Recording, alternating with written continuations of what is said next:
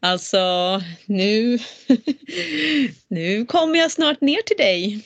Äntligen. Ja, så, alltså, vi hade så himla härligt förra sommaren. Och alltså, du hade ju en idé nu här om varför, varför vi pratade om så här, att jag är så folkskygg och bor på stranden och så kommer turister hit och jag kommer ingenstans. Så fick ju du en idé att vi bara, men då får världen komma till Eldin. Ja, jag tycker att det är det som är den enda rimliga grejen. Eh, och jag tycker också så att eh, tycker du ska sitta där och Alltså jag vill hålla space för att du ska vara en författare som sitter och signerar böcker mm. eh, i några timmar så länge som Ivy sover och så är vi nära dig, eh, hänger på stranden och så kan man komma med sin häxans handbok och så kan vi dricka kaffe eller en glas bubbel eller vad man vill nu vill dricka och så kan du, du prata om boken och signa. Ja, det låter så bra. Det låter som ett socialt umgänge som jag inte blir nervös av att tänka på. Det bara känns så här, mm. alltså, åh, ni lyssnare, fantastiska människor, snälla kom, kom till min strand. Ja, och vi har ju tänkt vecka 29. Eh, men vi, vi säger inte Alltså vi säger inte exakt datum nu för vi vill, vi vill faktiskt ha det bästa vädret. Mm. Men det kommer ju vara i alla fall eh, eh, nära Visby. Mm, precis, alltså typ gångavstånd från Visby. Exakt, så att eh, håller, om ni är på Gotland vecka 29 så vet vi att på Gotland så Alltså det tar ju typ max en timme att köra vart man än är. Så. Mm, mm, ja precis. Mm. Men vi återkommer och då blir det liksom och sen så efter ett tag så kommer jag säga nej. Författaren är dött. Nej, författaren måste gå på toaletten. Nej, du får vänta. Så kommer jag göra lite grann. Meanwhile så kommer jag vara så super social och fnissig för att jag har fått i mig bubbel och är helt glad för att träffa er. Tack. Och jag tänker att vi väljer ett ställe där man kan ha med sig barn och sådär man vill och de kan säkert bada på stranden. Alltså det, no, big, liksom, no big deal. Det vore fint att få träffa er om möjligt. Liksom, mm. För det fick vi ju göra förra sommaren, då var vi ju ett gäng. Men det var helt spontant. Liksom. Men nu tänkte vi att nu säger vi det i podden också. Ja, nu säger vi det i podden. Liksom. Och man vet, det kan bli någon spontan liten kvällsuteseta eller något. You never know. Mm. När det är häxor på stranden. Mm. Alltså, ni måste alltså in i Facebookgruppen Förmödrarsmakt eftersnack för att vi, vi, kan ju skriva det på Patreon också förstås. Men ni måste in i någon, någonstans för att få veta när och var. Ja, exakt. You gotta work to see us, right? ja, men eh, gud vad mysigt. Alltså, jag tänker så här. Då. Sommarprat nummer två. Mm. Mm. Det, här, det här pratet var så gött. Ja, det var gött.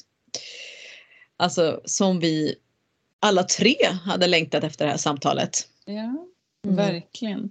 Alltså Veronica som vår sommarpratare nummer två heter är ju en person med otroligt många olika strängar på sin lyra. Eh, det är svårt att liksom ringa in det här avsnittet i ett tema men det behöver man liksom inte göra. Man får vara så stor.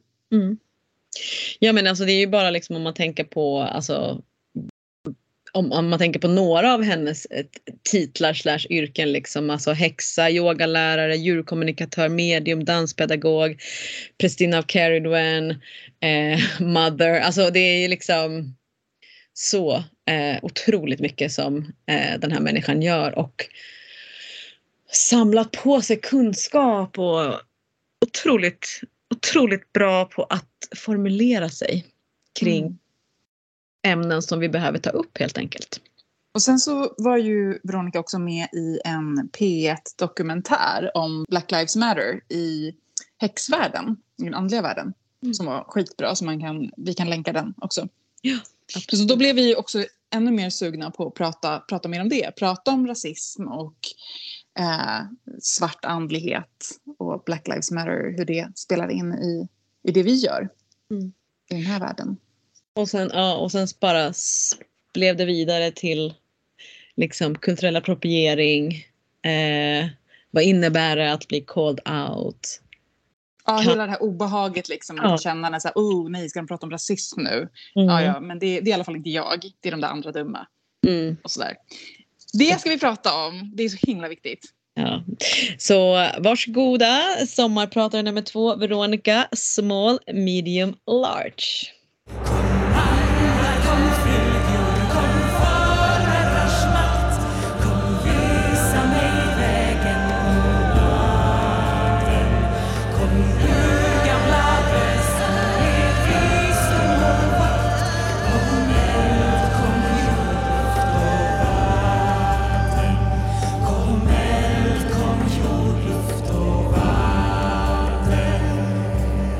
Vi blev så himla glada när du bara så här, sa ja typ direkt. Man kan säga att du sa ja direkt, eller hur?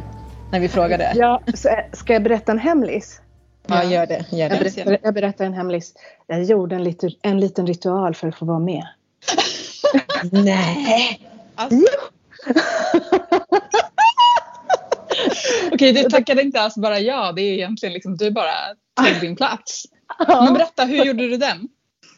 Ehm, jag har en liten häxtäppa här utanför där jag bor. Eh, och då gjorde jag en ritual för ljusa relationer. Eller för relationer som, med människor som brinner för samma saker som jag. Och jag tänkte väldigt mycket på er då när jag gjorde den. Ehm, och ehm, det var lite mensblod inblandat. Det var eh, uppåtgående måne definitivt. Eh, och sen var det någonting, någon banishment spell för att eh, relationer som inte gagnar mig skulle också samtidigt bort. Så, gud vad ja, effektivt verkar det som. Väldigt effektivt alltså. Men Veronica, kan inte du med dina egna ord här berätta lite om, berätta lite om det här alltså banishment spells och ritualer. Alltså hur hamnade du på den där trappan i ditt liv? Vad har du gjort? Vem det- är du? jag. eh, ja, jag är häxa och medium. Jag, jag, jag kokar ner det till det. Eh, jobbar också lite med astrologi. Eh, men jag tänker inom det här som att vara häxa. Det är ganska mycket. Jag utbildar mig till prästinna precis som ni också är. Och har inspirerat mig till. Ehm, och att eh, claima mig själv som häxa det är nog bland det viktigaste jag har gjort det är en sån här milstolpe i mitt liv verkligen. Att, ja, men vänta lite, jag har, en, jag har en egen makt. Jag är inte det andra säger att jag är eller de här bilderna av mig själv. Ehm, men framför allt den här kärleken till Moder Jord som jag har känt hela livet men har liksom inte kunnat sätta ord på det. Så det började egentligen, ja men herregud, hur började detta? om jag, om jag verkligen ska gå långt tillbaka så började det med att jag eh, jag hade, som jag haft mycket under, hade mycket under tonåren, jag hade väldigt mycket utanför kroppen upplevelser. Eh, och jag upplevde det som väldigt eh, obehagligt. Jag visste inte riktigt vad det här handlade om. Och så sa jag det till min sambo. Jag bara, vet du, jag måste, jag måste nog söka hjälp. Men jag tror inte att jag behöver en terapeut. Jag tror jag behöver gå till ett medium sagt och gjort och hon hjälpte mig med det faktiskt. Det kallas för själsresor eller utanför kroppen-resor. Ehm, och ehm, är egentligen inte alls ovanligt. Ehm, men jag fick det förklarat för mig och kunde liksom känna mig lugn i vad det handlade om. Och hon fick in mig på det här med mediumskap. Hon, och hon var sådär, du har gåvan. um, och eh, där någonstans började jag gräva i det. Men sen går det ju kanske långt, långt tillbaka. Jag hade min första tarotlek när jag var 23. Jag tyckte det var så himla spännande. Astrologi var så himla spännande. Och den här kontakten med eh, det, det gudomliga som inte var religion. Men jag kunde inte sätta ord på det då. Det var först i den här perioden när jag liksom kom i kontakt med ett medium. Eh, och eh, sen eh, på den vägen via ett annat medium så kom jag i kontakt med det här med att vara häxa. För hon, hon är häxa och hade ett litet koven. Eh, och när jag liksom började läsa och fördjupa mig, jag läste mycket om Wicca då också. Men där någonstans så bara föll allt på plats. Jag bara, men det är ju det här. Det här med att liksom um, hedra mina förmödrar, mina rötter, börja läsa om det och samtidigt stå med fötterna på den här jorden och känna de energierna.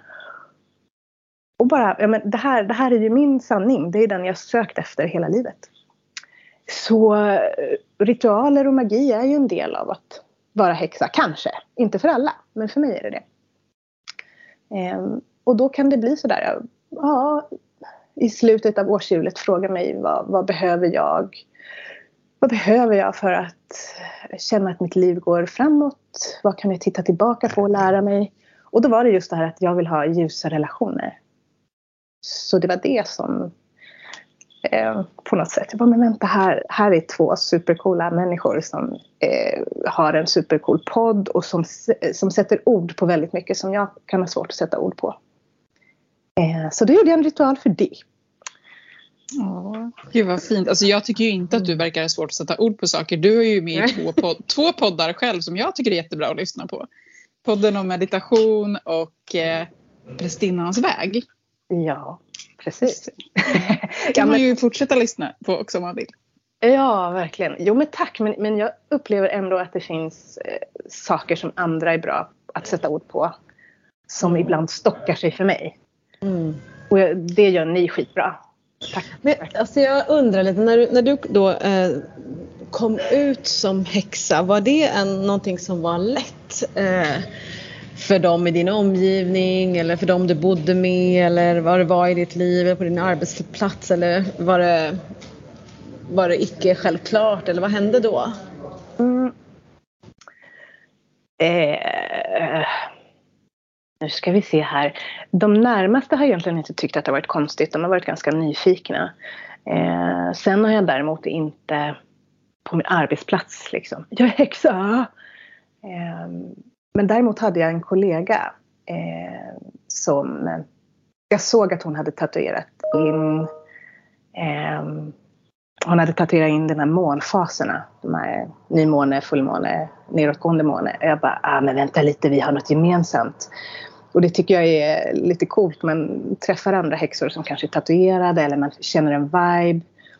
Um, man kan blinka lite åt varann, någon kanske har en kristall.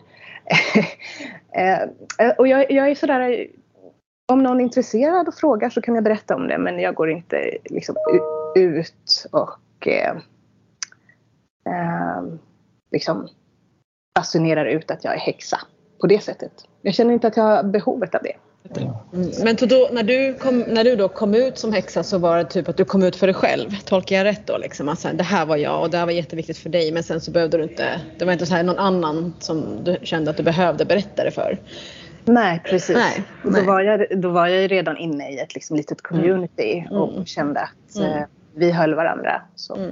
Komma ut historierna är väldigt viktiga att höra just för folk som funderar lite på Eh, att komma ut som häxor och så men att det är lite läskigt. Så här, men just att man behöver inte komma ut för någon annan än för sig själv. Ja exakt.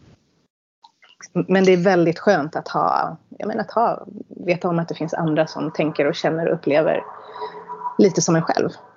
Mm. Alltså jag blir så himla nyfiken på, för den här världen att vara medium. Det är en värld som jag inte har varit inne i och har ganska lite kunskap om. Och liksom så här hur, hur överlappar den världen häxvärlden? Vad, vad liksom, var möts de världarna? Vad är det som är speciellt med medium? Eller är det något som är speciellt eller är det egentligen typ samma sak som att vara häxa? Eller, vill du förklara för mig? Jag tänker jättemycket det här kring andlighet eller spiritualitet, häxamagi. Jag, jag vill hitta sånt som för oss samman. Det som inkluderar. Så för mig att vara häxa, vara medium, det är inte så himla konstigt. Det finns ingen intressekonflikt i det. För vi tänker, om vi tänker våra völvor som vi har. Det eh, finns många häxor som kallar sig för völvor. Eh, vandrande kvinnor som alltså tar djurhamn eller reser för att eh, få svar från gudarna eller gudinnorna. Eh, och inom, inom eh, med, mediumvärlden så kallar vi det för kanalisering. Att vi kanaliserar budskap från andevärlden. Eh, och samma sak med till exempel ja, men orakel. Så alltså det här när du reser eller när du, när du kontaktar det gudomliga, det, det är same same. Häxor eller prästinnor, völvor som eh, eh, säger man liksom att de tar emot gudinnan i kroppen och det är gudinnan som pratar genom prästinnan då. Eh, och det kallar vi inom mediumvärlden för transmediumskap. att, du, mm. att, du faktiskt, ja, mm. att du faktiskt låter anden prata genom dig. Mm. Och det, det är spännande och, och, det är verkligen det är lite kusligt kan jag också tycka. Men jag ser ju hur den här personens ansikte förändras. Jag ser hur Eh, och jag, jag var jätte, jättekritisk till det i början. Så jag bara, vi bör spela teater. mm. eh, och så. Men eh, eh, nej, det, det, de som är seriösa är jättebra och det är jättehäftigt. Och jag Mm. upplevde själv liksom, eh, i det att liksom, ja, men det är någonting som tar över och jag står vid sidan om och pratar. Ja, det är svårt att förklara. Men att eh, den här anden då kunde säga saker som jag personligen aldrig skulle ha sagt. Mm. Eh, som jag bara, nej men nu blir det lite pinsamt. Nej, Men- men, det är väl det som också kallas för eh, embodiment eller förkroppsligande. Exakt. Ja precis, just det. Mm. Ja, men det där är, jag hade jag samma måste- känsla av att så här, gud, spelar jag teater nu eller spelar de? Alltså, jag tycker det var jätteintressant eh, att du tog upp det att så här, nej det är inte teater men, men det kan ju lätt upplevas som det. Om man, men där måste man göra som du Elin säger liksom, så här, i någon av de första podcastavsnitten. Liksom, så här, när du läser en bok så ifrågasätter du inte att det är en bok. Du då går man ju in i det liksom, Du är som att det är i det. verklighet. Ja, Annars är det ju värdelöst. Liksom. Det är värdelöst. Eller, Mm. men, men jag tänker att det är också samma sak så ofta med Seid. Att det i alla fall liksom det som jag Exakt. när, jag när jag säger där att det också är då trans, vad sa du, transmedium, Skap. Ja, transmediumskap, transfiguration, var det det? ja, eh, tra- eh, precis. Transmediumskap. Eller de, det finns vissa medium som bara jobbar med det och de kallar sig Ja. för trans, transmedium. Ja. Nej, men, för jag kan uppleva där liksom i Seiden att det kan vara som att först är det någon som, som smyger runt mig, precis som du sa där, att man ser något liksom i ögonvrån och så börjar man så ställa frågor. Och sen så plötsligt så kommer den liksom så nära att plötsligt så är den i mig. Liksom. Ja. Att, ibland, ibland kanske inte men, men ganska ofta kan jag känna att det liksom är att det börjar lite i utkanten och sen så liksom Ja, och när det blir riktigt djupt, liksom att, att jag knappt kommer ihåg vad jag har sagt efteråt. Liksom. Exakt, exakt. Det, det är precis samma sak i min Häftigt. värld. Ja. Det kan ju finnas de som tycker annorlunda men eh, den resa jag har tagit så kommer man tillbaka till en källa. På något sätt. Det kan finnas folk som tycker annorlunda men så här tycker vi. Okej? Ja, Och det är vår podd. Ja, det är vår podd. Och det är vi som bestämmer gäster. Eller ni gör vi inte för det, man kan också trolla till sig och vara gäst. Men vad smidigt för oss då Ruby, det behöver vi inte hålla på och sitta och, och liksom tänka ut Nej. gäster i framtiden utan du kan ju bara liksom kan, folk bara trolla in ja, sig verkligen, här. Så. Alltså. Sluta jiddra, börja trolla. Det funkar. gör en vrånkan och gör en ritual. Så.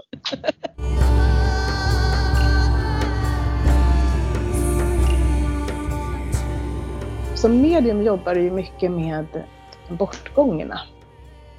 Eh, att, eh, att, att kanalisera budskap från dem eller att egentligen ett mediums största mission idag handlar mycket om att vi vill bevisa att det finns en andevärld, att det finns någonting, att döden betyder inte slutet. Mm. Eh, och att vi dessutom finns ett förbund för medium för att vi ska, för att den, det yrket ska bli mer uppmärksammat och att det finns vetenskapliga studier. Eh, men också i sorgebearbetning har man pratat om att medium ska ha en uppgift att fylla. Ehm, och det, det är egentligen samma källa på något vis. Eh, Jag tänker att ni som häxor säkert, men, men, menar, jag har ju varit hos dig Rebecka ehm, och eh, på Joni Steens snippsauna. Och det du gör, det är ju, du kanaliserar ju till mig när jag sitter där. Ja. Ja, precis. Det är inget konstigt alls tycker jag.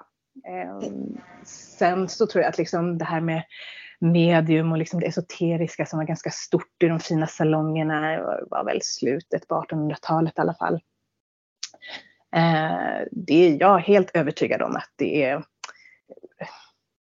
metoder och verktyg som man, eh, man har tagit från eh, de gamla, till exempel, eh, jag vill inte använda ordet schaman, men, men häxor, eh, druider, kelter, eh, voodoo-präster och prästinnor. Alltså det här, den här kontakten med det andliga. Eh, det, blev, det blev något annat på 1800-talet när det flyttade in i de fina salongerna. Eh, Mm. Men det, det, är inge, det finns inget, ingen intressekonflikt för mig i att arbeta med det vi inom, inom medium, mediumvärlden kallar för andevärlden. Och det som mm. många häxor och völvor gör, att de, att de reser. Men det var intressant det där du sa med liksom, om det här med att vilja bevisa liksom, vetenskapligt. För det upplever jag ändå kanske är en skillnad då. För att det, har jag liksom, det upplever man inte så mycket att de som kallar sig völvor, eller vi som kallar oss völvor, håller på med liksom, eller är intresserade av. Men är det, liksom, är det något som du känner är så här, något som du brinner för eller hur förhåller du dig till det?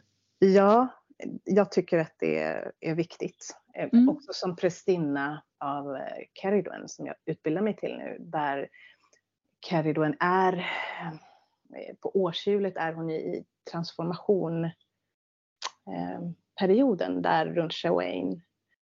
Nu kanske jag namedroppar jättemycket.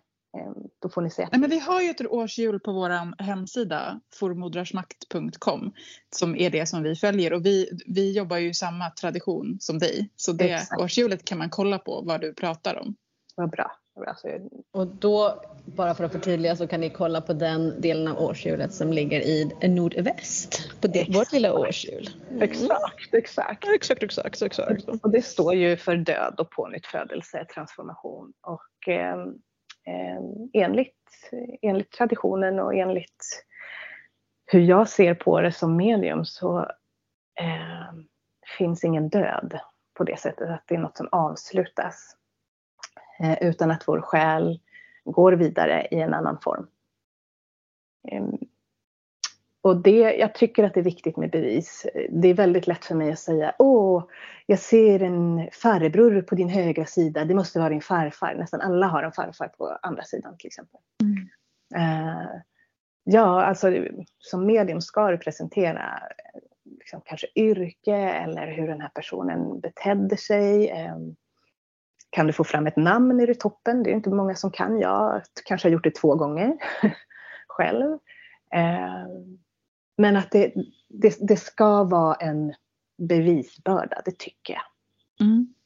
Ja, man måste ju vara lite specifik där och inte allmän för det kan ju verkligen gå käpprätt åt helvete om det bara är eh, ja, lite godtyckligt hit och dit. För jag vet många som har varit hos medium där man blir så här, du kanske ska gå till en till medium. Här, man vill inte dissa den personen, man bara, men du kanske ska gå till en till medium också som kanske kan utveckla det här lite grann. För ofta de medium som jag tycker, eh, som jag kan känna att jag kan lita på, de har verkligen den här bevisbördan att de har sagt att ja men den personen eh, brukade köra i eh, en blå bil eller den personen talar till, eh, säger de här orden som är typ en mening som bara typ tre personer kände till att den personen sa och sådana där saker. Det känns ju, jag tycker att det, att det på något sätt är ganska viktigt så att det inte blir Alltså det finns ju så många döda som skulle kunna dyka upp eller dyker exakt. upp. exakt, exakt. Alltså. Ja, nej, men jag tycker det, det är viktigt. Det viktigaste är ju hur personen som man kanaliserar eller tar kontakt um, åt, hur den, hur den mår och hur den tar emot budskapet. För min erfarenhet är ju um, att andevärlden vill tala om att den finns. Och att den ser oss och att den älskar oss. Mm. Men det roliga är ju när det är det där, ah, skulle inte du köpa blöjor idag? Ah, nej, men det hade, det hade jag glömt bort, ah, hur visste du det?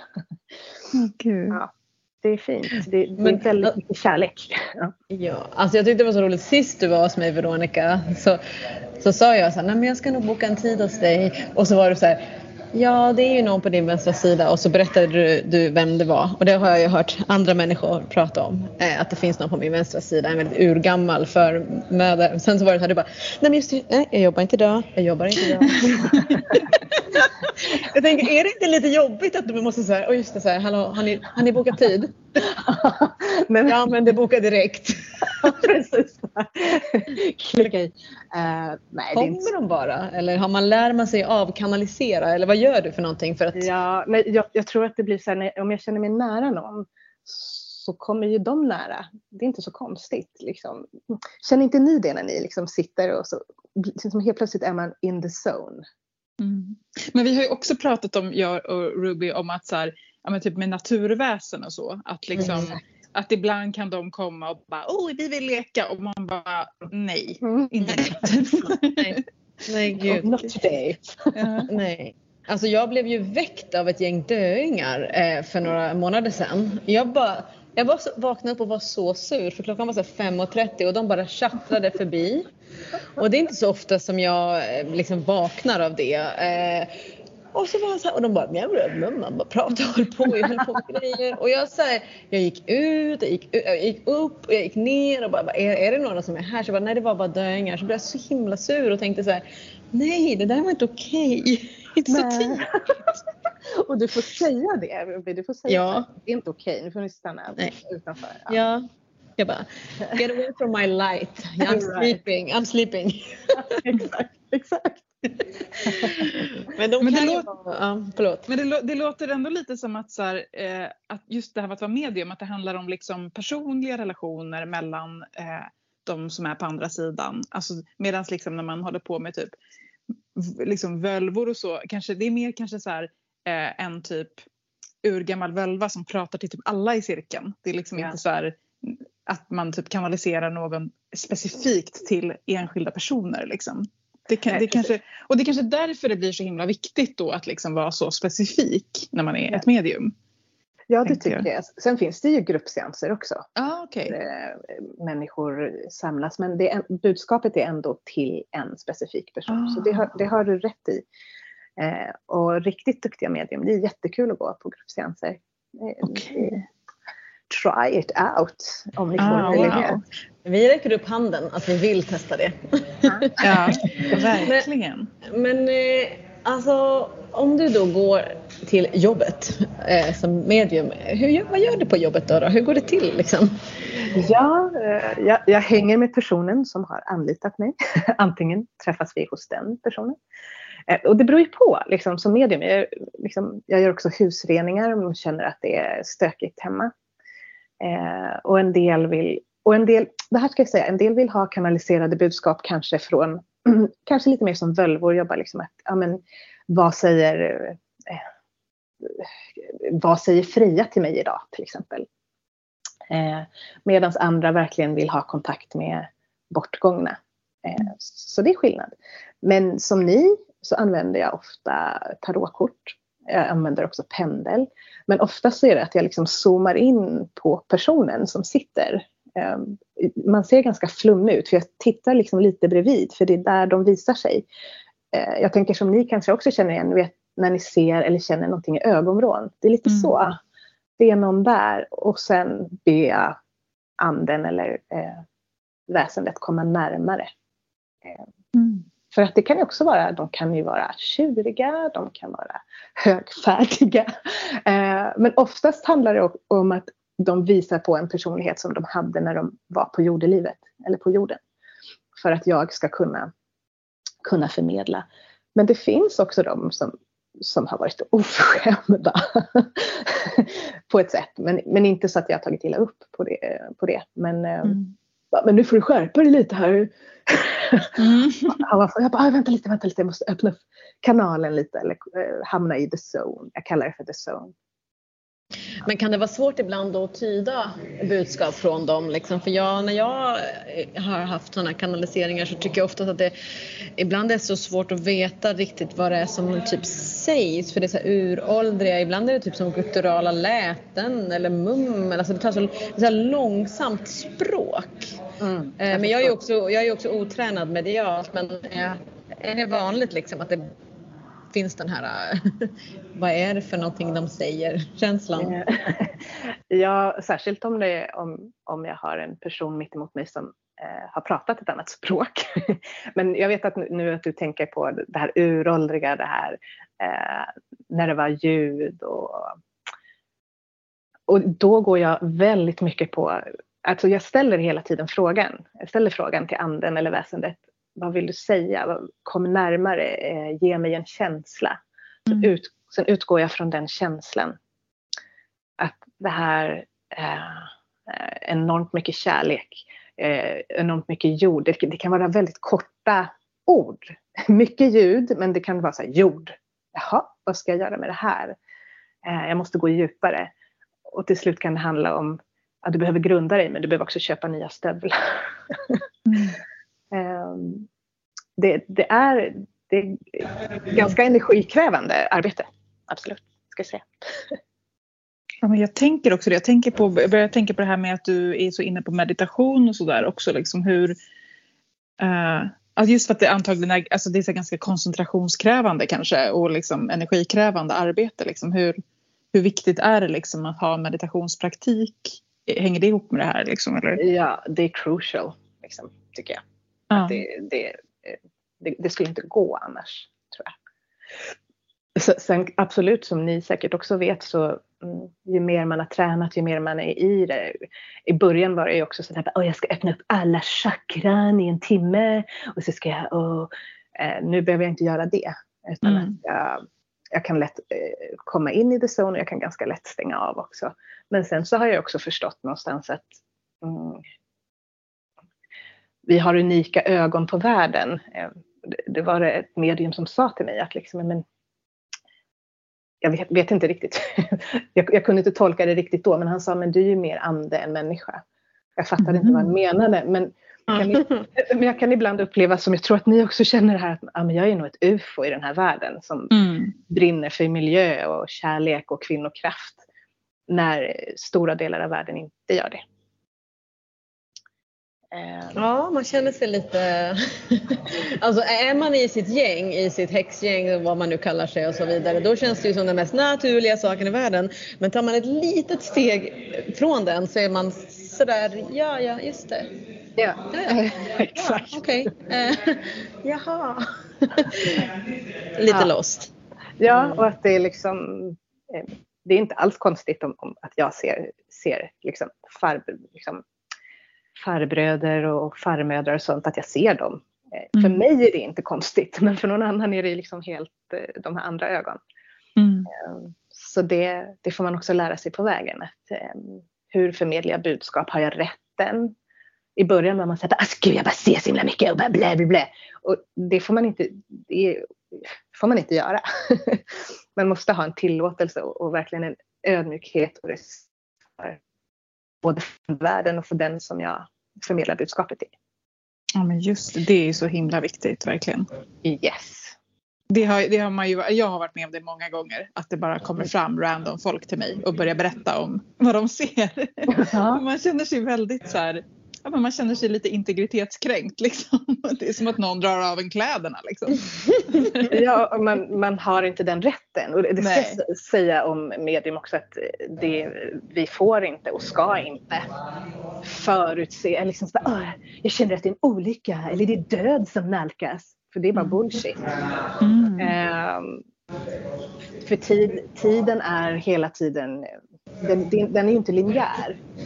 Så vi kan liksom inte gå in och säga så här, ah, men eh, din eh, kusin kommer dö om en vecka.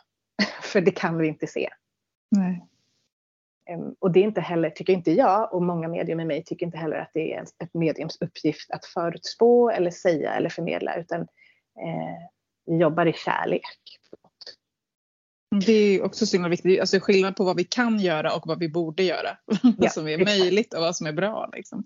Ja, att man har ett ansvar i det. Men har du liksom ärvt eh, någon medial förmåga från liksom på faderssidan eller moderssidan? Eller är du liksom Here I am. Eh, Det, det är på modersidan, men eh, min mamma är strängt katolik. och eh, vi pratade inte om det här.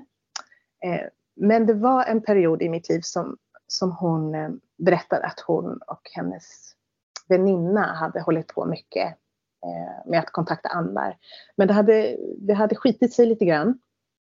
Eh, Hon hade fått mycket mardrömmar, det hade blivit mycket eh, vad ska jag säga, det, hade inte, det var en period som, det var mycket saker som hände som fick henne att må dåligt. Och då blev det att hon sökte sig till kyrkan. Och eh, sen dess har hon liksom varit lugn. Så hon har varit så, ah, men det här, man ska inte leka med det. Och jag håller med om det. Man ska inte leka eller eh, bara åh, tjo, vad coolt det här är. Och, utan eh, det krävs återigen respekt och ödmjukhet för, för vad man håller på med. Precis som med häxeriet också. Kom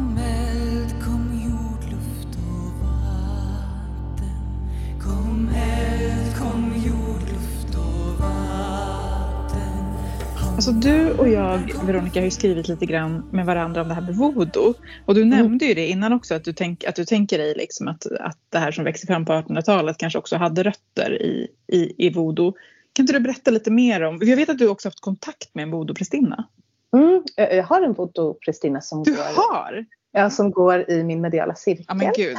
Berätta Ah. om din, berätta om din relation till, till voodoo då. För det är inte så ofta jag får chansen att prata med någon som... Nej, och jag kan, jag kan egentligen jättelite också. Mm. Och det var ju egentligen mitt förra coven att den överste prästinnan, hon var helt, hon bara, åh det här är så spännande och, eh, och hon var väldigt mjuk i det. Hon bara, men, och, och frågade mig mycket, ehm, jag menar i, i och med att det är en svart kultur då.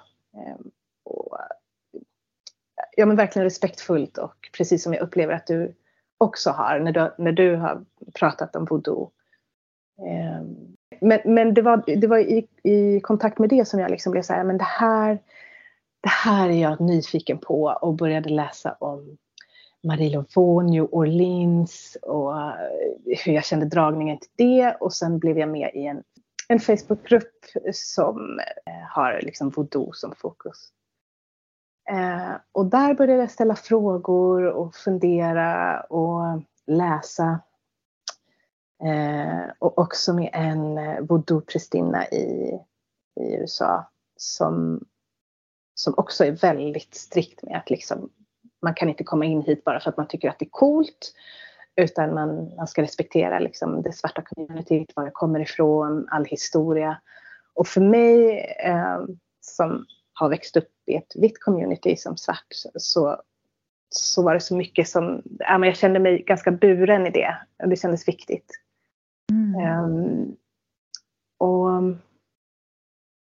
eh, ju mer jag började läsa så jag bara, men det här, det här påminner ju så mycket om nordisk mytologi. Det finns jättemycket som är likt.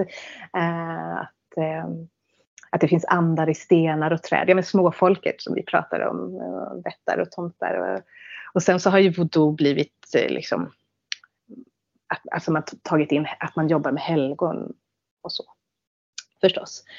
Men det finns, och det här är ju egentligen bara mina spekulationer, men, men jag upplever att det som flyttade in i de fina salongerna, det är ju samma källa. Det är samma, alltså någonstans måste det här ha kommit ifrån.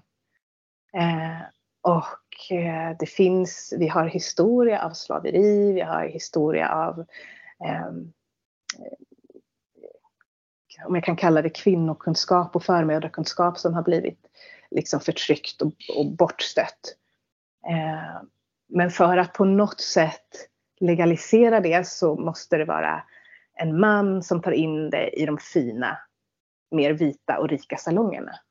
Men det känns som att det stämmer ju också i tid liksom där 1800-talet det är ju liksom i så här kolonialismens typ Exakt. klimax liksom. Där Exakt. verkligen, ja där, där liksom mycket approprieras liksom till Exakt. Europa.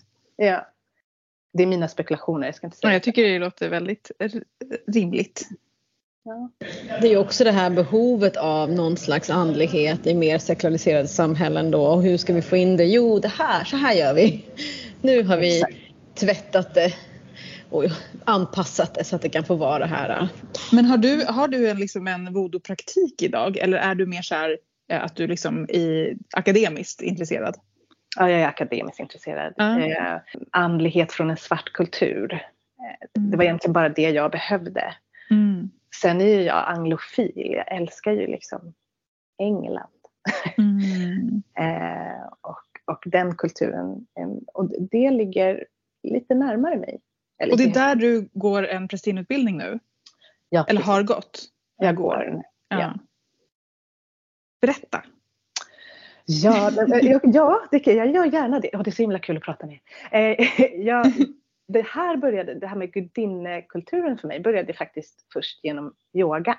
Eftersom jag håller på med yoga.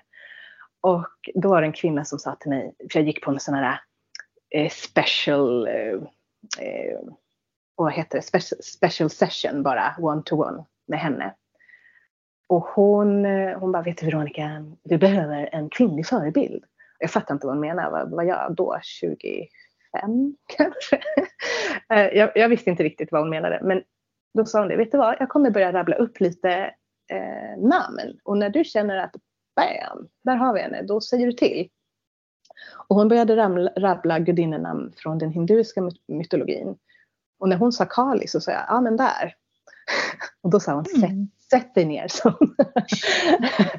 ja, hon bara, den här, det här är en gudinna som många män är rädda för. Eh, och som har fått jättedåligt rykte. Lite som hel kanske. Um, och jag började, då började jag läsa väldigt mycket om Kali och hon står då för transformation. Hon, hon är den gudinna man kallar in när inget annat funkar. Eh, hon bringar ordning i kaos på något sätt men det är också hon som startar kaos. Eh, och det handlar också om negativt ego, att liksom hon slaktar lögnen um, och säger sluta ljuga för dig själv. Först då kan saker och ting börja förändras.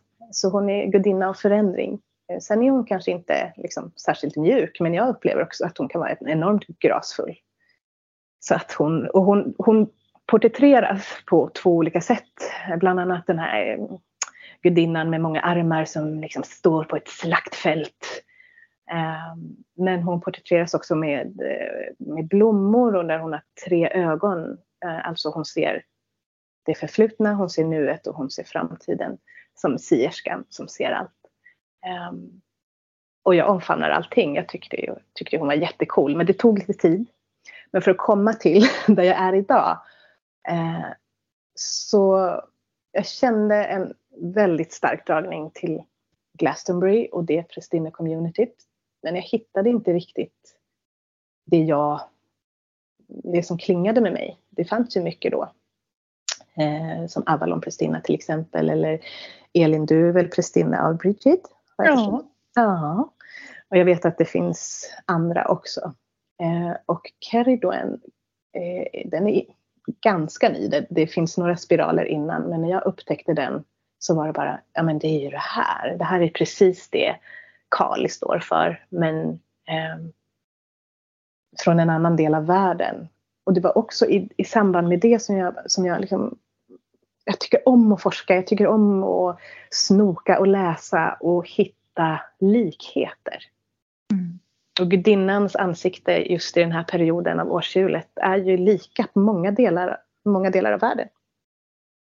Så jag har ingen intressekonflikt i att eh, i, i Kali och Keriduen och Hel till exempel för att de representerar samma saker.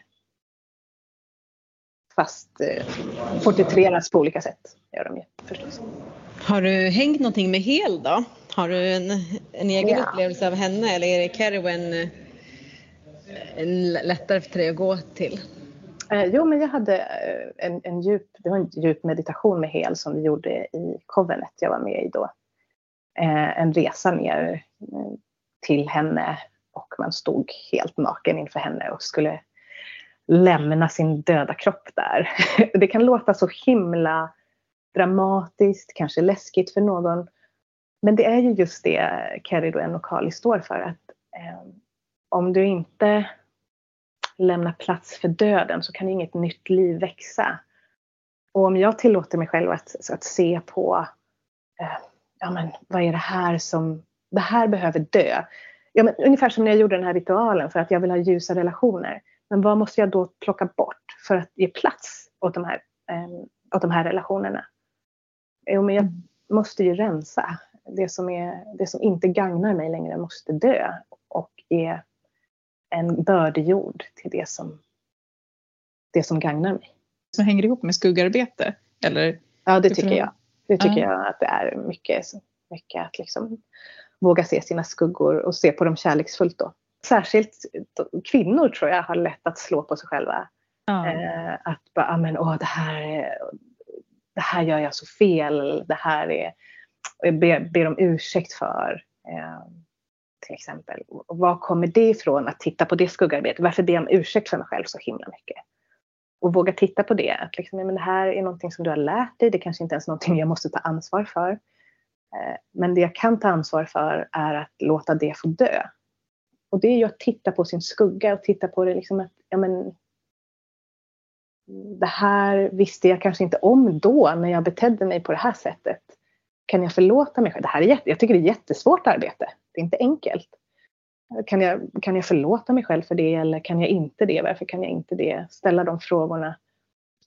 Men jag tänker på att, att titta på sina skuggor handlar väl mycket om att ungefär som att egentligen prata till ett barn eller liksom eh, så tänker jag i alla fall att det finns ett yngre jag, ett mindre, eh, ja, ett yngre jag som inte hade den kunskapen som jag har nu.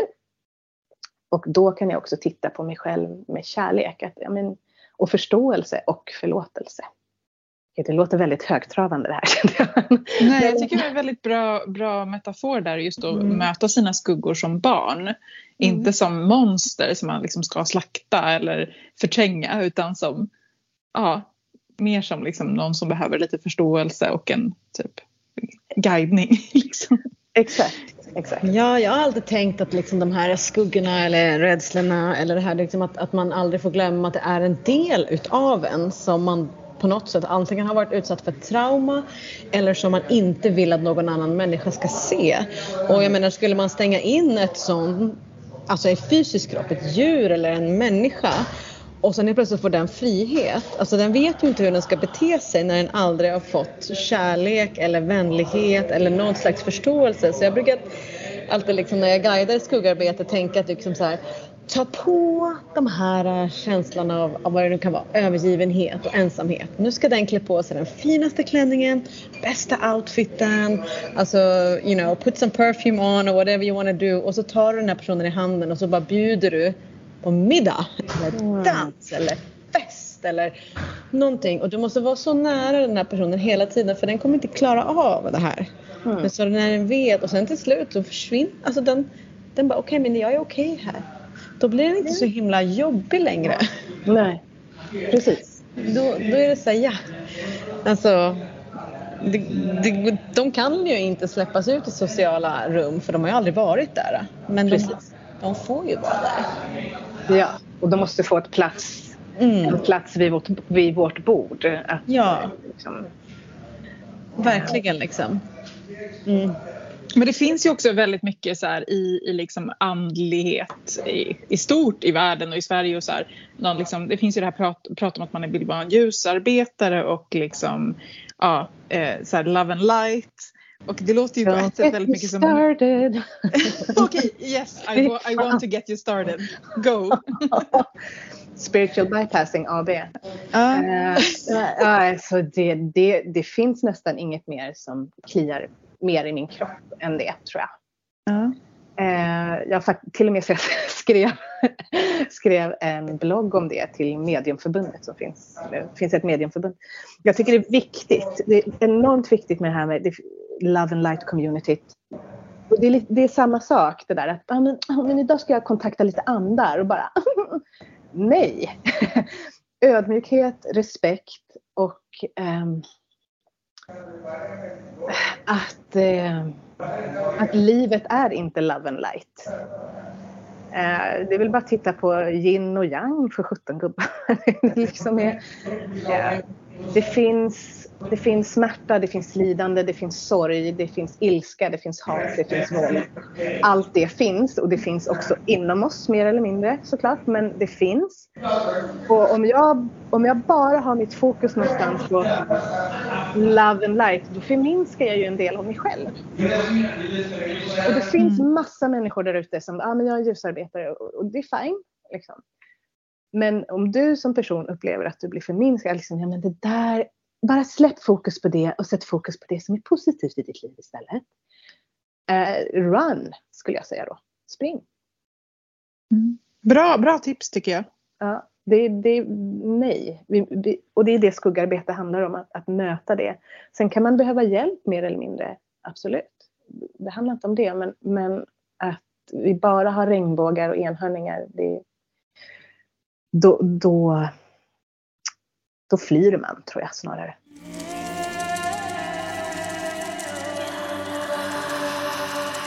Ja, men I andan av att kritiskt granska så alltså, skulle jag vilja cirkulera tillbaka till eh, något som du sa i början om längtan efter ett svart andligt community. Och då funderar jag ju på liksom vad din upplevelse är av det andliga eller kanske häxiga communityt i Sverige liksom, i relation till rasism. Mm. Ja, det är ju en jättestor fråga och den ligger mig nära. Och jag kan känna överhuvudtaget att det saknas people of color, kanske inte bara svarta men ehm, också andra minoriteter, hbtqia-communityt också. Att jag kan ha en längtan till ehm, att träffa likasinnade inom andra minoriteter. Men om vi ska gå till det här med rasism så har jag, jag har inte blivit bemött rasistiskt IRL. Men däremot så eh, på sociala medier så flödar det ju ganska friskt. Eh, det har för mig personligen varit jättetungt att människor som jag har sett upp till och eh, ja, men som kallar sig ljusarbetare och goda människor, tycker själva att de är goda människor, eh, uttrycker rasism. Och som kanske inte alltid är medvetna om att de pratar från en privilegierad plattform och därigenom också approprierar mycket. Mm. Och jag tänker som, som häxa, prästinna, magiker eh, att de skuggsidorna bör man nog kika på som andlig person. Tycker det är mm. jätteviktigt. Mm. Men ligger inte det också lite grann i det här med just när man pratar om, eller jag, jag och Rebecka brukar ju vara lite skeptiska till det här att kalla sig ljusarbetare just för att så var, var finns då skuggarbetet liksom? Exakt. Ja. Eller, så det är, jag tänker att det är totally fine att jobba med ljuset men, men man kan inte blunda för sina egna skuggsidor. Och, för då, då händer det sådana här saker. Liksom. Nej, men jag tänker också det här med, om, om vi ska ta det här med appropriering, att om du inte kan din historia eller din tradition, hur kan du då gå framåt? Hur kan du då undervisa? Hur kan du då vägleda andra? Mm det, det, är något som fattas, det är något som blir ogrundat. Ehm, jag skulle rekommendera en dokumentär, även om man inte håller på med dans, så finns det en dokumentär på SVT Play som heter Jazzens historia, ehm, en resa i tid och rytm. Ehm, och den pratar väldigt mycket om hur, hur man lätt kan plocka åt sig saker, säga att det är sitt och sen så skapa ett namn kring det och göra det till någon form av trademark. Um, och att man faktiskt tar upp att det, det, fattas namn här. Det fattas de som har gått före. Det fattas en medvetenhet om vad det är vi gör. Alltså då, att typ vita tar credden för, för olika exakt. dansgenrer eller musikgenrer. Ja. Från, liksom, egentligen tar dem från svarta liksom, eller? Ja, ja i, inom jazzen så mm. är det många namn som fattas. Och mm. nu har ju, om man då säger Evoke svarta i USA har ju börjat gräva i det här och undersöka. Jag tycker det är rätt viktigt att vi tittar på det i alla sammanhang. Um, vad, vad, har vi för, vad är det för rötter, vad är det för traditioner? För att hedra de som går före. Jag tänk, tänker att eh, ett prästinneskap eller ett andligt arbete handlar väldigt mycket om att hedra förfäder, eh, förmödrar, icke-binära som har gått före kanske skulle vi kunna få några liksom hands-on exempel på den här äh, rasismen som sker i sociala, sociala medier. Alltså jag skulle verkligen vilja se om vi kan säga några exempel som folk gör som de kanske inte är medvetna om. Finns det mm. något sånt som du kan liksom ja men någon, när någon gör den här memen eller när någon delar det här inlägget. Alltså så här, finns det någonting verkligen så här, det här är rasistiskt fast du kanske inte tänker på det. Ja, nej men oh ja, det finns. Och sen finns det de som är helt öppna med. Liksom, mm. Vi kan ta det här med koranbränningarna. Liksom, att mm. dis diskutera, diskutera det på sociala medier utan att kanske känna en muslim. Utan mm. man, ska, man ska bara tycka det här. Uh, ja, uh, det, det, har jag sett jättemycket. Uh, men en, en, en sån här, ett sånt här inlägg som gjorde mig enormt frustrerad. Det var jag är ljusarbetare, behöver inte nämna några namn, men den här personen hade då lagt upp en bild på en hövding från ehm, amerikansk ursprungsbefolkning som sträcker armarna mot solen och så hade den här personen skrivit en liten dikt och sen avslutat med namaste. Eh, och jag vet ju inte om den här personen på något sätt har en relation till amerikansk ursprungsbefolkning eller till yoga och, eller indisk ursprungsbefolkning. Eh, jag tror faktiskt inte det. Eh, och det, det, jag kan tänka så här. Vi är på en plattform där vi slänger oss med uttryck, vi slänger oss med bilder, vi bara tar, vi använder dem för vår egen vinning. Ehm, och det, det är ju rasism, det är ju att appropriera. Att, att som du skrev Elin, kommer jag ihåg, det var så bra, man bidrar till ett förtryck när man inte är medveten. Mm. Mm. Ja men man kan ju tro att, att liksom, ja det här tänker jag är så himla centralt att kan man vara rasistisk om man menar väl? För det där tänker ja. jag är liksom det stora problemet. Att folk bara liksom, men jag tycker att det var en fin bild, jag menar ju väl. Då kan det inte vara rasistiskt. Nej, Nej och det är, det, det är ju liksom någonstans, om vi går tillbaka till skuggarbetet tänker jag då, att, att vara medveten om vilket privilegium man har. Mm. Eh, och det är en omedvetenhet för att jag, man sitter och plockar från nätet och tycker att ja, men det, här är, det här är nice och det här är så fint och det här klingar så bra med mig. Okej, okay, men you need to do your work. Mm. Och där tänker jag också när vi pratar om förföräldrar så är det intressant att så många vita och personer som inte liksom rasifieras så gärna liksom tänker på förföräldrar som, men vi, vi vill liksom gärna röra oss mot urfolk. Men mm. vi vill inte gärna vara med våra förföräldrar som koloniserade. Alltså sannolikheten Exakt. är ju större att mina förföräldrar har varit kolonisatörer än mm. att de har varit urfolk. Mm. Och att det är också ett förföräldersarbete som vi måste göra. Liksom. Och ja, i det förföräldraskapet också så är det inte bara att man drar sig till ett urfolk eh, tanke utan de är också alltid på ett visst sätt. Mm. Så att man tar in helheten då i en tradition eller, eller kultur utan då är de Jo, de, de var ett med naturen och trodde att allting var besjälat. Ja, fast de var också De gjorde också det här superblodiga eh, besluten och, och, hade de här väldigt eh, kannibaliska ritualerna. Men det vill du inte ta in, du vill bara liksom ha att man sitter och är snäll. Exakt, det är då man går in på spiritual bypassing för allas förfäder, förmödrar, icke-binära hade också mm. skuggsidor. Mm. Yeah. Um, och, och, jag tänker att liksom man har världens chans att göra om och göra rätt. Att sitta och lyssna in och liksom, ja ah, det här gjorde mina förfäder. Vad gör jag med den informationen? Vad gör jag med, eh, hur kan jag göra om? Hur kan jag skriva om det här? Mm. Alltså ett motargument till det här som vi pratar om nu är, kan ju vara liksom att så här, ja men, eh, men att man liksom har ändå så här, rätt att känna det man känner. Om jag känner att den här gudinnan eller den här förföräldersanden kom till mig i någon mm. form av en hövding. Om det är min upplevelse, ska någon mm. säga till mig att jag inte får ha den andligheten liksom? Mm. Um, Skitbra att du tar upp det tycker jag.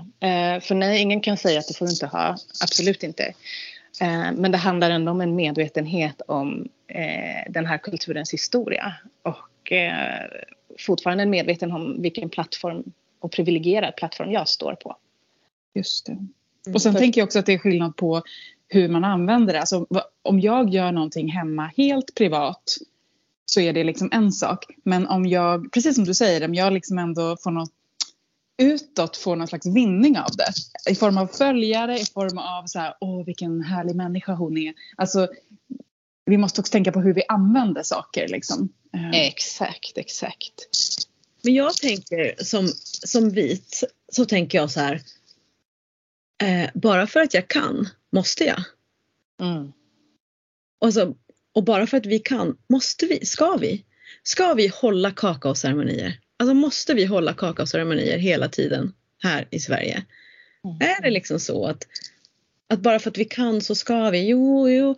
Jag har tagit upp frågan många gånger och det blir alltid det blir dålig stämning. Jo, men vi tar ju hand om den här värdefulla medicinen från Amazonas och vi, vi köper liksom direkt från vår kakao från liksom stam, stamfolket och de liksom får våra pengar. Alltså, you know, I, jag, tycker, jag har inget svar på det här men jag, jag ställer mig ibland frågan okej, okay, vad köper du din kakao för? Och liksom vad tjänar du? Och vilken tradition för du vidare? Och är det det vi ska göra eller ska vi liksom undersöka polejmyntan och malörten. Eller liksom, Mm. jag har inget svar utan jag bara, den här frågan ställer jag mig hela tiden. Så här, just because we can, ska vi? Ska vi gå på en tre timmars kakaoceremoni och sen håller vi kakaoceremonier? Exakt. Återigen, eh, hur, på vilket sätt hedrar jag de som går före? Ja. På vilket sätt kan jag min historia? Och, och sen, sen samtidigt det här man måste inte, vi pratade om det lite innan, så här, man kanske inte måste vara superpåläst och superengagerad och bara woo, woo, woo. Eh, det ska finnas ett ödmjukt lyssnande och en respekt. Eh, för kulturen, för de som har gått före. ja. Ja, men jag tänker också det, och det kan också vara så komplext för att å andra sidan så finns det också den här, jag kan ibland uppleva att det finns en nästan så här puritanism, att man så här, vi får bara jobba med det nordiska för att annars är det liksom appropriering och religion och andlighet är så komplext. Det har alltid funnits ett kulturutbyte, det är liksom en synkretism. Eh, olika människor kan också ha blandade etniska bakgrunder och jag tänker att någonstans är det just som du säger att den här ödmjukheten eh, inför att så här, den här grejen som jag tar in i min praktik nu, var kommer den ifrån? Eh, finns det problematiska saker? Att, liksom, att laborera med de frågorna liksom hela tiden. Mm. Kommunikation, eh, A och O. Och att jag tänker som, som yogainstruktör så har jag, jag har en indisk kvinna som, som kommer till mig. Och för mig är det så viktigt. Jag har ingen aning om, om hon kan mer, liksom, om hennes förfäder höll på med yoga eller tyckte att det men, men hon har jag känner ändå att det, det, här ska jag sitta och lyssna. Här ska jag sitta och, och ställa frågorna. Om hon inte vill prata om det så ska jag ha en respekt för det. Eh, det blir, och det, jag kan bara säga att det blir jättefina samtal. Jag tror också att när det kommer från att "Du, jag vill lära mig mer eller jag vill höra vad du tycker. Eh, hur upplever du det här? Eh, det är då vi lär oss och det är då vi kan göra om och göra rätt. Mm. Ja, det där är så intressant Veronica, för det, det är ju det liksom. Och också det som du säger Eldin, liksom det här med att det är klart att man inte måste vara puritansk. Men, sam, ba, ba, men bara ha den där, eh, och det har ju inte heller med eh, bakgrund eller ras eller liksom kön egentligen att göra utan det handlar om att hela vägen, liksom, ta ansvar hela vägen så att du kan äga he, hela traditionen, hela kulturen, hela mörkret, hela ljuset. Så att, det, så att, inte ba, att man inte bara har plockat russinen ur kakan. exakt. Mm. Jag tänkte på en sak som jag kom på igår. Som, som, som, som faktiskt, jag fick en så aha-upplevelse för att jag har haft, eller det var i fredags, jag har haft kurs i helgen på min utbildning. Och så ville jag göra en övning som jag hade lärt mig av den här presinnan som utsatte mig för det här övergreppet. Och först så var jag så här, no fucking way att jag ska liksom jobba med hennes jävla skit. Och sen så bara, men alltså den här övningen för mig var så magisk. Och övningen i sig liksom är så magisk. Och så bara kände jag så här, ja den kommer ju från fulhet och den kommer från mörker. Och jag ska berätta för alla, alltså alla här ska veta vart den här övningen kommer ifrån. Och de ska veta att jag äger den här nu och vill göra den av den här anledningen. Eh, och då började jag tänka på allt det här med yoga. Liksom alla, liksom, finns det någon yoga movement som inte har en våldtäktsman som ska i bak... Nej men jag vet inte, det finns det säkert. När ska yin-yogan falla liksom? Men eh, eh, att så här, typ som med eldandningen, kundalini-yogan och yoga bhajan och han liksom våldtagit och tvingat folk till abort och folk liksom gör kundalini fortfarande utan att ens ta upp det faktum att det här har hänt, hänt och att den här våldtäktsmannen pratar om shakti, om feminin kraft och väcka upp kvinnlig sexualitet och han är så vidrig. Mm. Men om man bara kan stå och bara säga hur, berätta allt det här och sen ändå säga så här I fucking own eldandning för det är inte hans. Exakt. Och, och på något sätt där, "Åh, bort med skiten. Ja, ta upp det i ljuset. Ta upp det i ljuset och titta på skiten. Och sen, sen, sen kan man stå stark i sina beslut. Hur? Men, men man kan inte fly från skiten. Nej. Men det är ju ofta det som är liksom reaktionen. Ja. Det pratade vi om också. Du berättade ju om det innan Veronica. Alltså hur folk reagerar när du Mm. påpekar något. oh ja. Eh, oh, what about ism eh, kallas det väl kanske.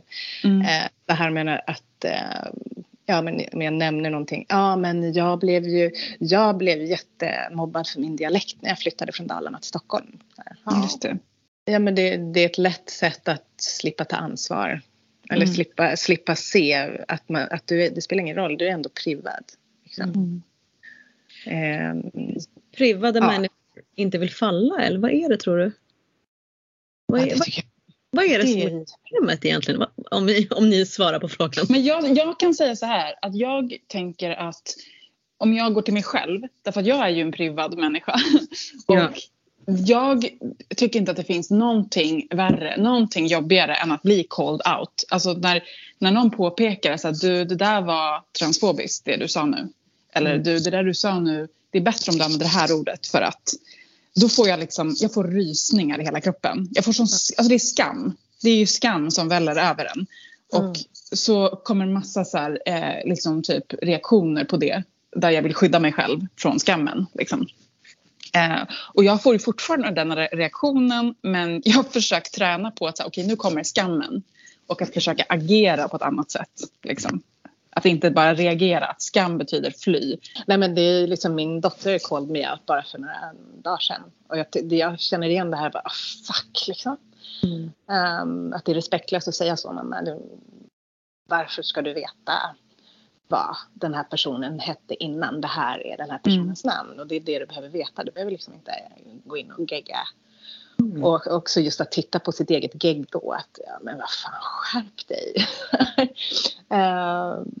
Och jag, jag tänker att det är liksom, jag kan uppleva också att det är en generationsfråga. Ibland Mm. att äldre generationer som ljusarbetare, ljusarbetare eller andliga eh, personligheter inte vill ta i de här frågorna. Medan jag upplever att eh, de deltagarna jag har i min till exempel mediala cirkel som är också people of color. Mm. Eh, de, har, de har ett annat narrativ och de, de äger situationen på ett helt annat sätt. Och det, det är spännande. Det tycker, jag tycker att det är fantastiskt spännande och jag blir väldigt glad över att det finns en wokeness som, det är något som växer, det är något som börjar ta plats. Mm. Och, jag, och även i, i wokeness så finns ju skuggsidor. Jag menar, Absolut. du pratar om eh, Elin, det här med att vilja fly och skämmas eller också du Veronica, jag känner jag absolut speglar mig i det.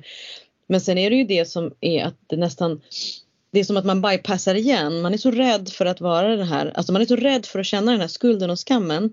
Så att istället för att då bli called out så gör man massa andra grejer. Typ jag har många snubbkompisar som så här. Alltså jag vill inte vara så manschauvinist och sådär och liksom du vet säga till vad tjejer ska göra och så men eh, alltså förlåt innan men är det verkligen så, jag, jag gör inte sådär med mina tomatplantor. Jag, det här är mycket bättre. Att de liksom säger innan någonting. ja, ja. Och en grej är att liksom eh, jag pratar jättemycket med det här med min, eh, jag har ju en eh, black witch friend i, i South Africa liksom och hon är verkligen så här I am not colored, I'm black, I'm a black witch liksom. Eh, för hon har liksom en, hon har problem med att allting går alltid ifrån svart till liksom andra färger. Hon bara no I work for black women liksom. Och black traditions och, och, och det. Ja. Och vi pratade om eh, bland annat det och sen så pratade vi om jag har, ju ett, jag har ju fått smycken av henne som hon har gett, alltså traditionella från liksom hon är Ngosa och Zulu. Och, och jag har fått de här smyckena och att jag har sagt till henne att jag har blivit called out för att jag har dina smycken på mig och folk kallar mig för rasist. Hon bara, they're calling you a racist. Jag bara, no but they, they don't know me. De känner inte mig.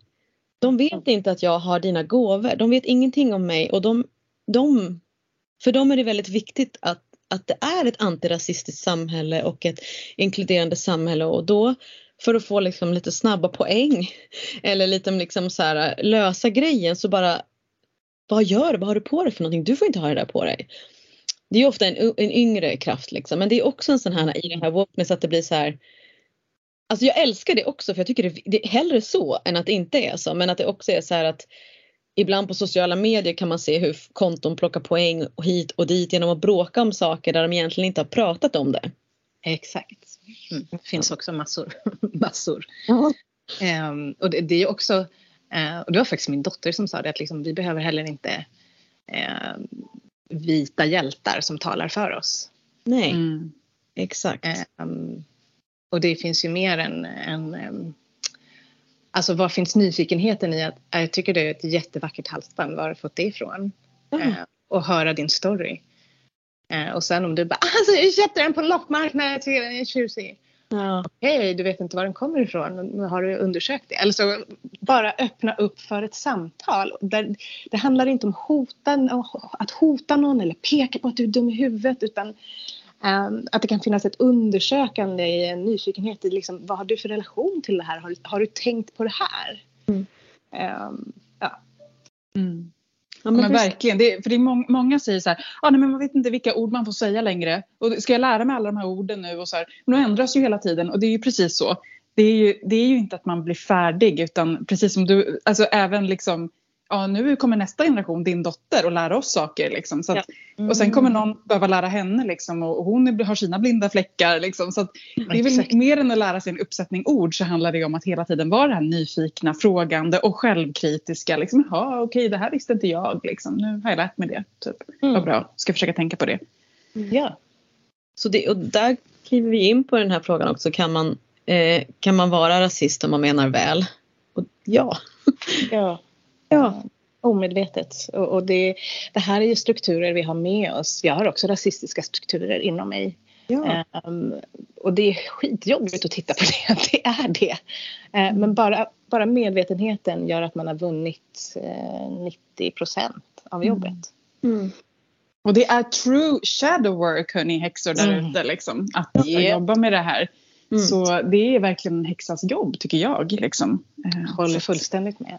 Det är inte lite någonting på sidan. Utan, It's, it's core, core practice liksom. Och, och det här är ju någonting vi möter ofta.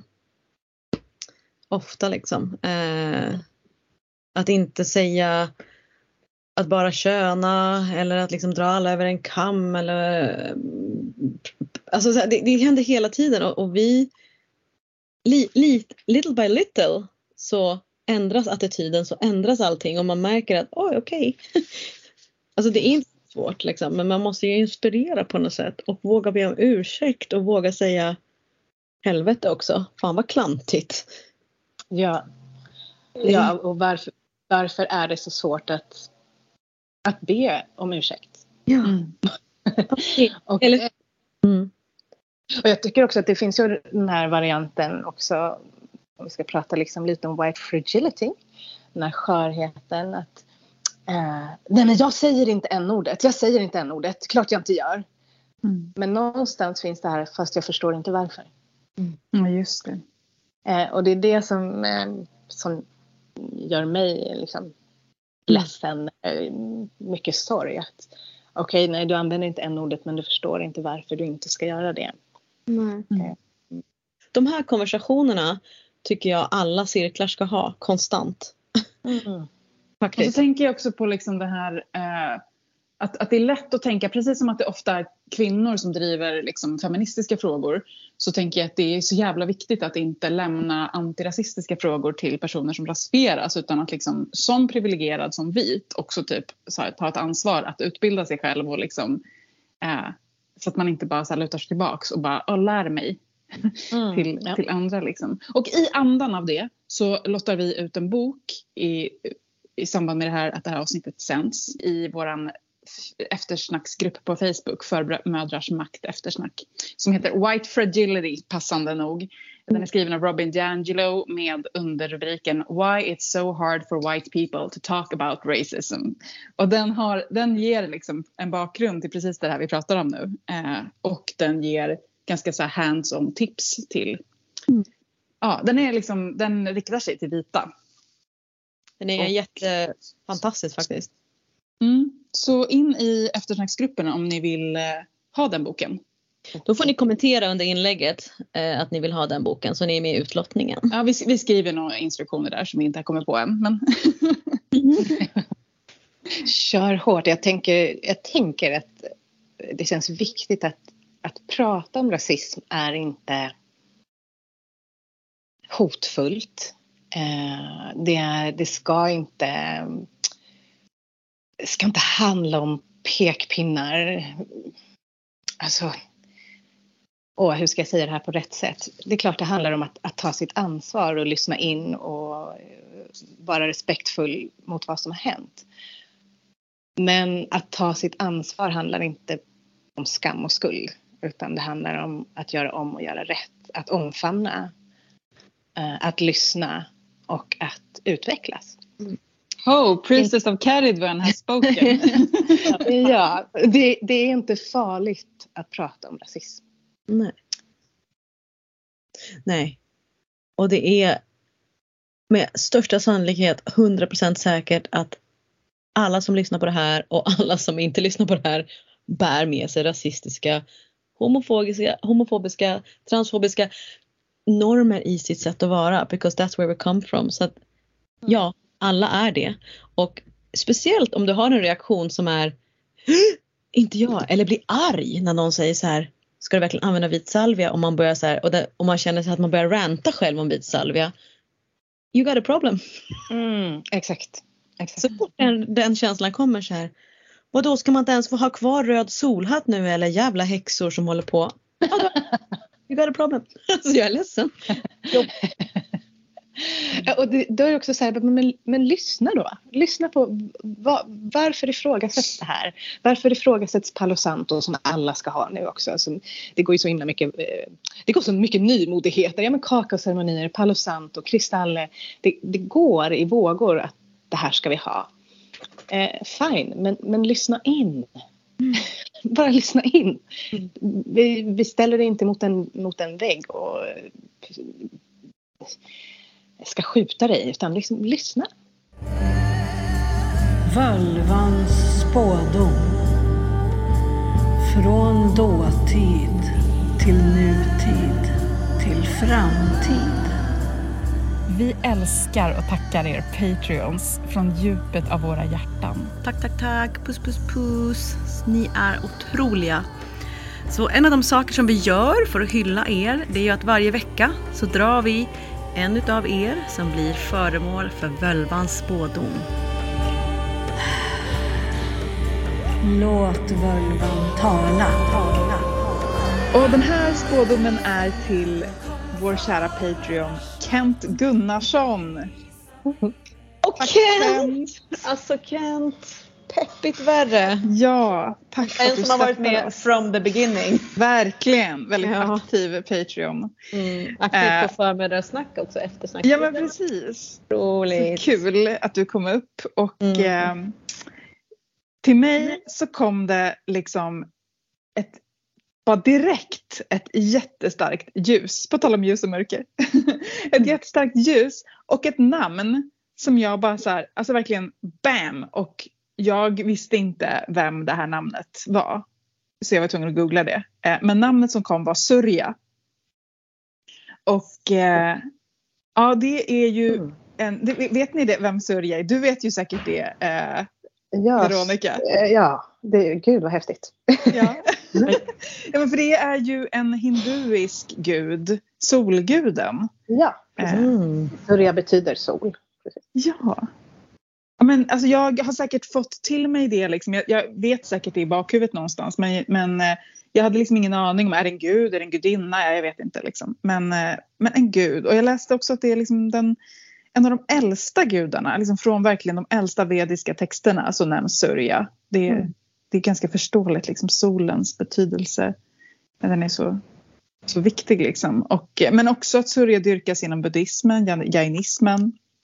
Och han avbildas ofta som att han kör en vagn som dras av hästar, ofta sju stycken som då representerar de sju synliga färgerna, regnbågens färger. Liksom. Mm. Eh, och eh, ja, han representerar också kunskap, liksom, upplysning. Eh, dyrkas inte liksom lika mycket idag. Eh, man hör ju annars mer om liksom, Vishnu, Shiva, liksom, mm. Ganesha men, men eh, Surya är liksom en väldigt, väldigt gammal gud. Och eh, ja, men dels så fick jag till mig det här med, med liksom kunskap och liksom eh, ett klart intellekt, liksom visdom.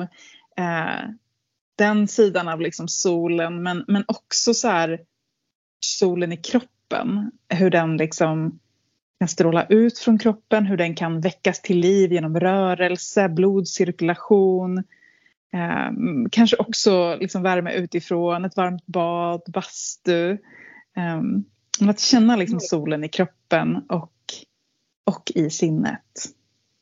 Det var det jag fick till mig. Och nu när jag pratar så känner jag att du är så helt rätt person Veronica att, att liksom knyta an till det här. Du som håller på med rörelse och liksom så här. Ja, nej, men jag, jag sitter ju bara och myser. Det, jag har inget att tillägga. Det, ja, men det är precis det här som man, mm. man pratar om eh, solchakrat eller eh, eh man säger att, eh, eh att eh, mantrat är Ram som också är ett namn för Surya. Mm. Sitter vid solarplexus och det står för vår eh, självklarhet, vårt självförtroende, vår, eh, vår självkänsla, rätten att lysa.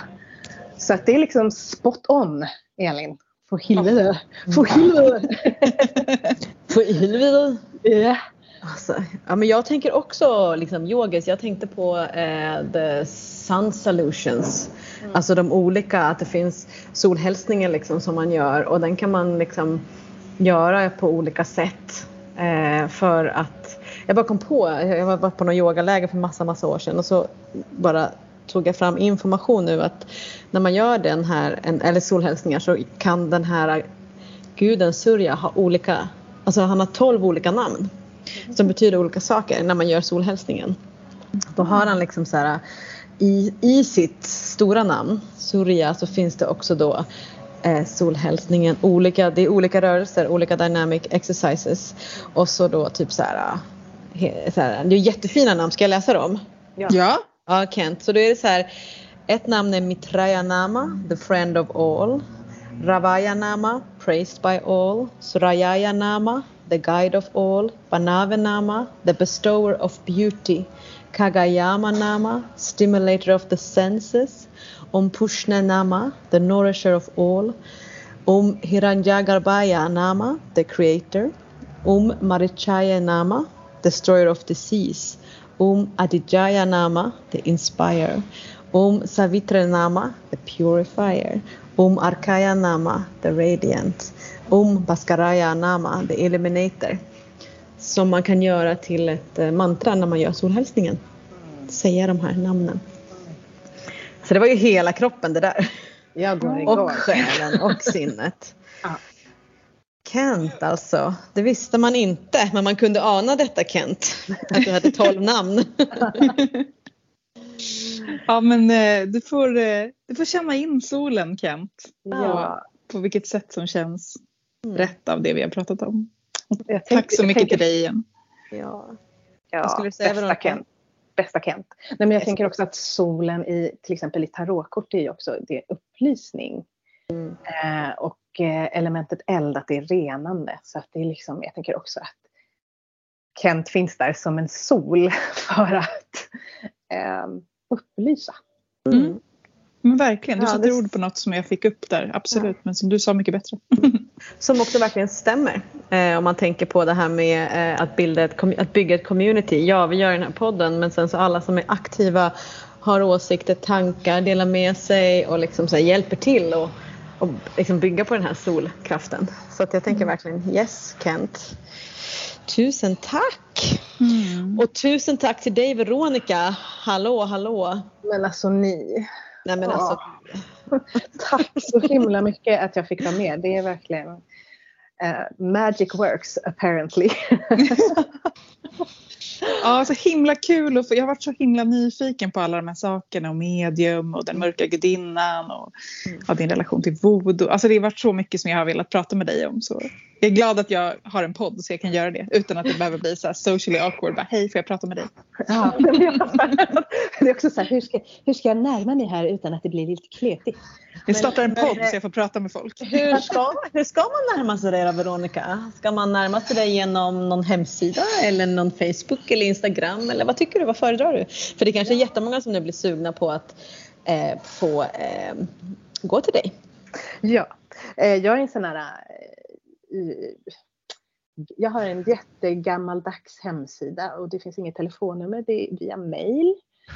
Eh, www.veronikasierska.com Mhm. där, där kan man få tag på mig. Så har jag en Facebook-sida som heter Veronica Sierska i ett ord. Ja. Och sen podcastarna. Eh, podden om meditation och Just prästinnans väg. Ja, men vi gör som vanligt. Vi slänger upp alla länkar där man kan hitta dig. Eh, och så eh, hoppas vi att eh, din kalender blir helt fullbokad. ja, Mm. tack, tack snälla. Och, eh, ja, men ni vet ju att eh, ni ska vara med i våra poddar också. Ja, vi vet ju det. Ja! Så vi behöver liksom inte eh, beat about the bush utan det, är så. Kul med lite crossover. Ja, vi systrar ska liksom, ja men vi ska bära varandra. Det är så Mm. viktigt. Det är jätteviktigt. Det är så viktigt. Ja, men du. Eh, tusen tack. Nu ska jag in och boka en tid hos dig. Ja, du är så välkommen. Och så får du ha en asbra och trevlig sommar. Fortsatt sommar.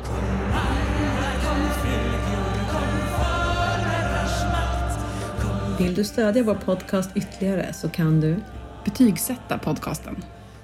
prenumerera på podcasten för att öka vår synlighet. Bli medlem på Patreon så får du dessutom en massa häxiga benefits.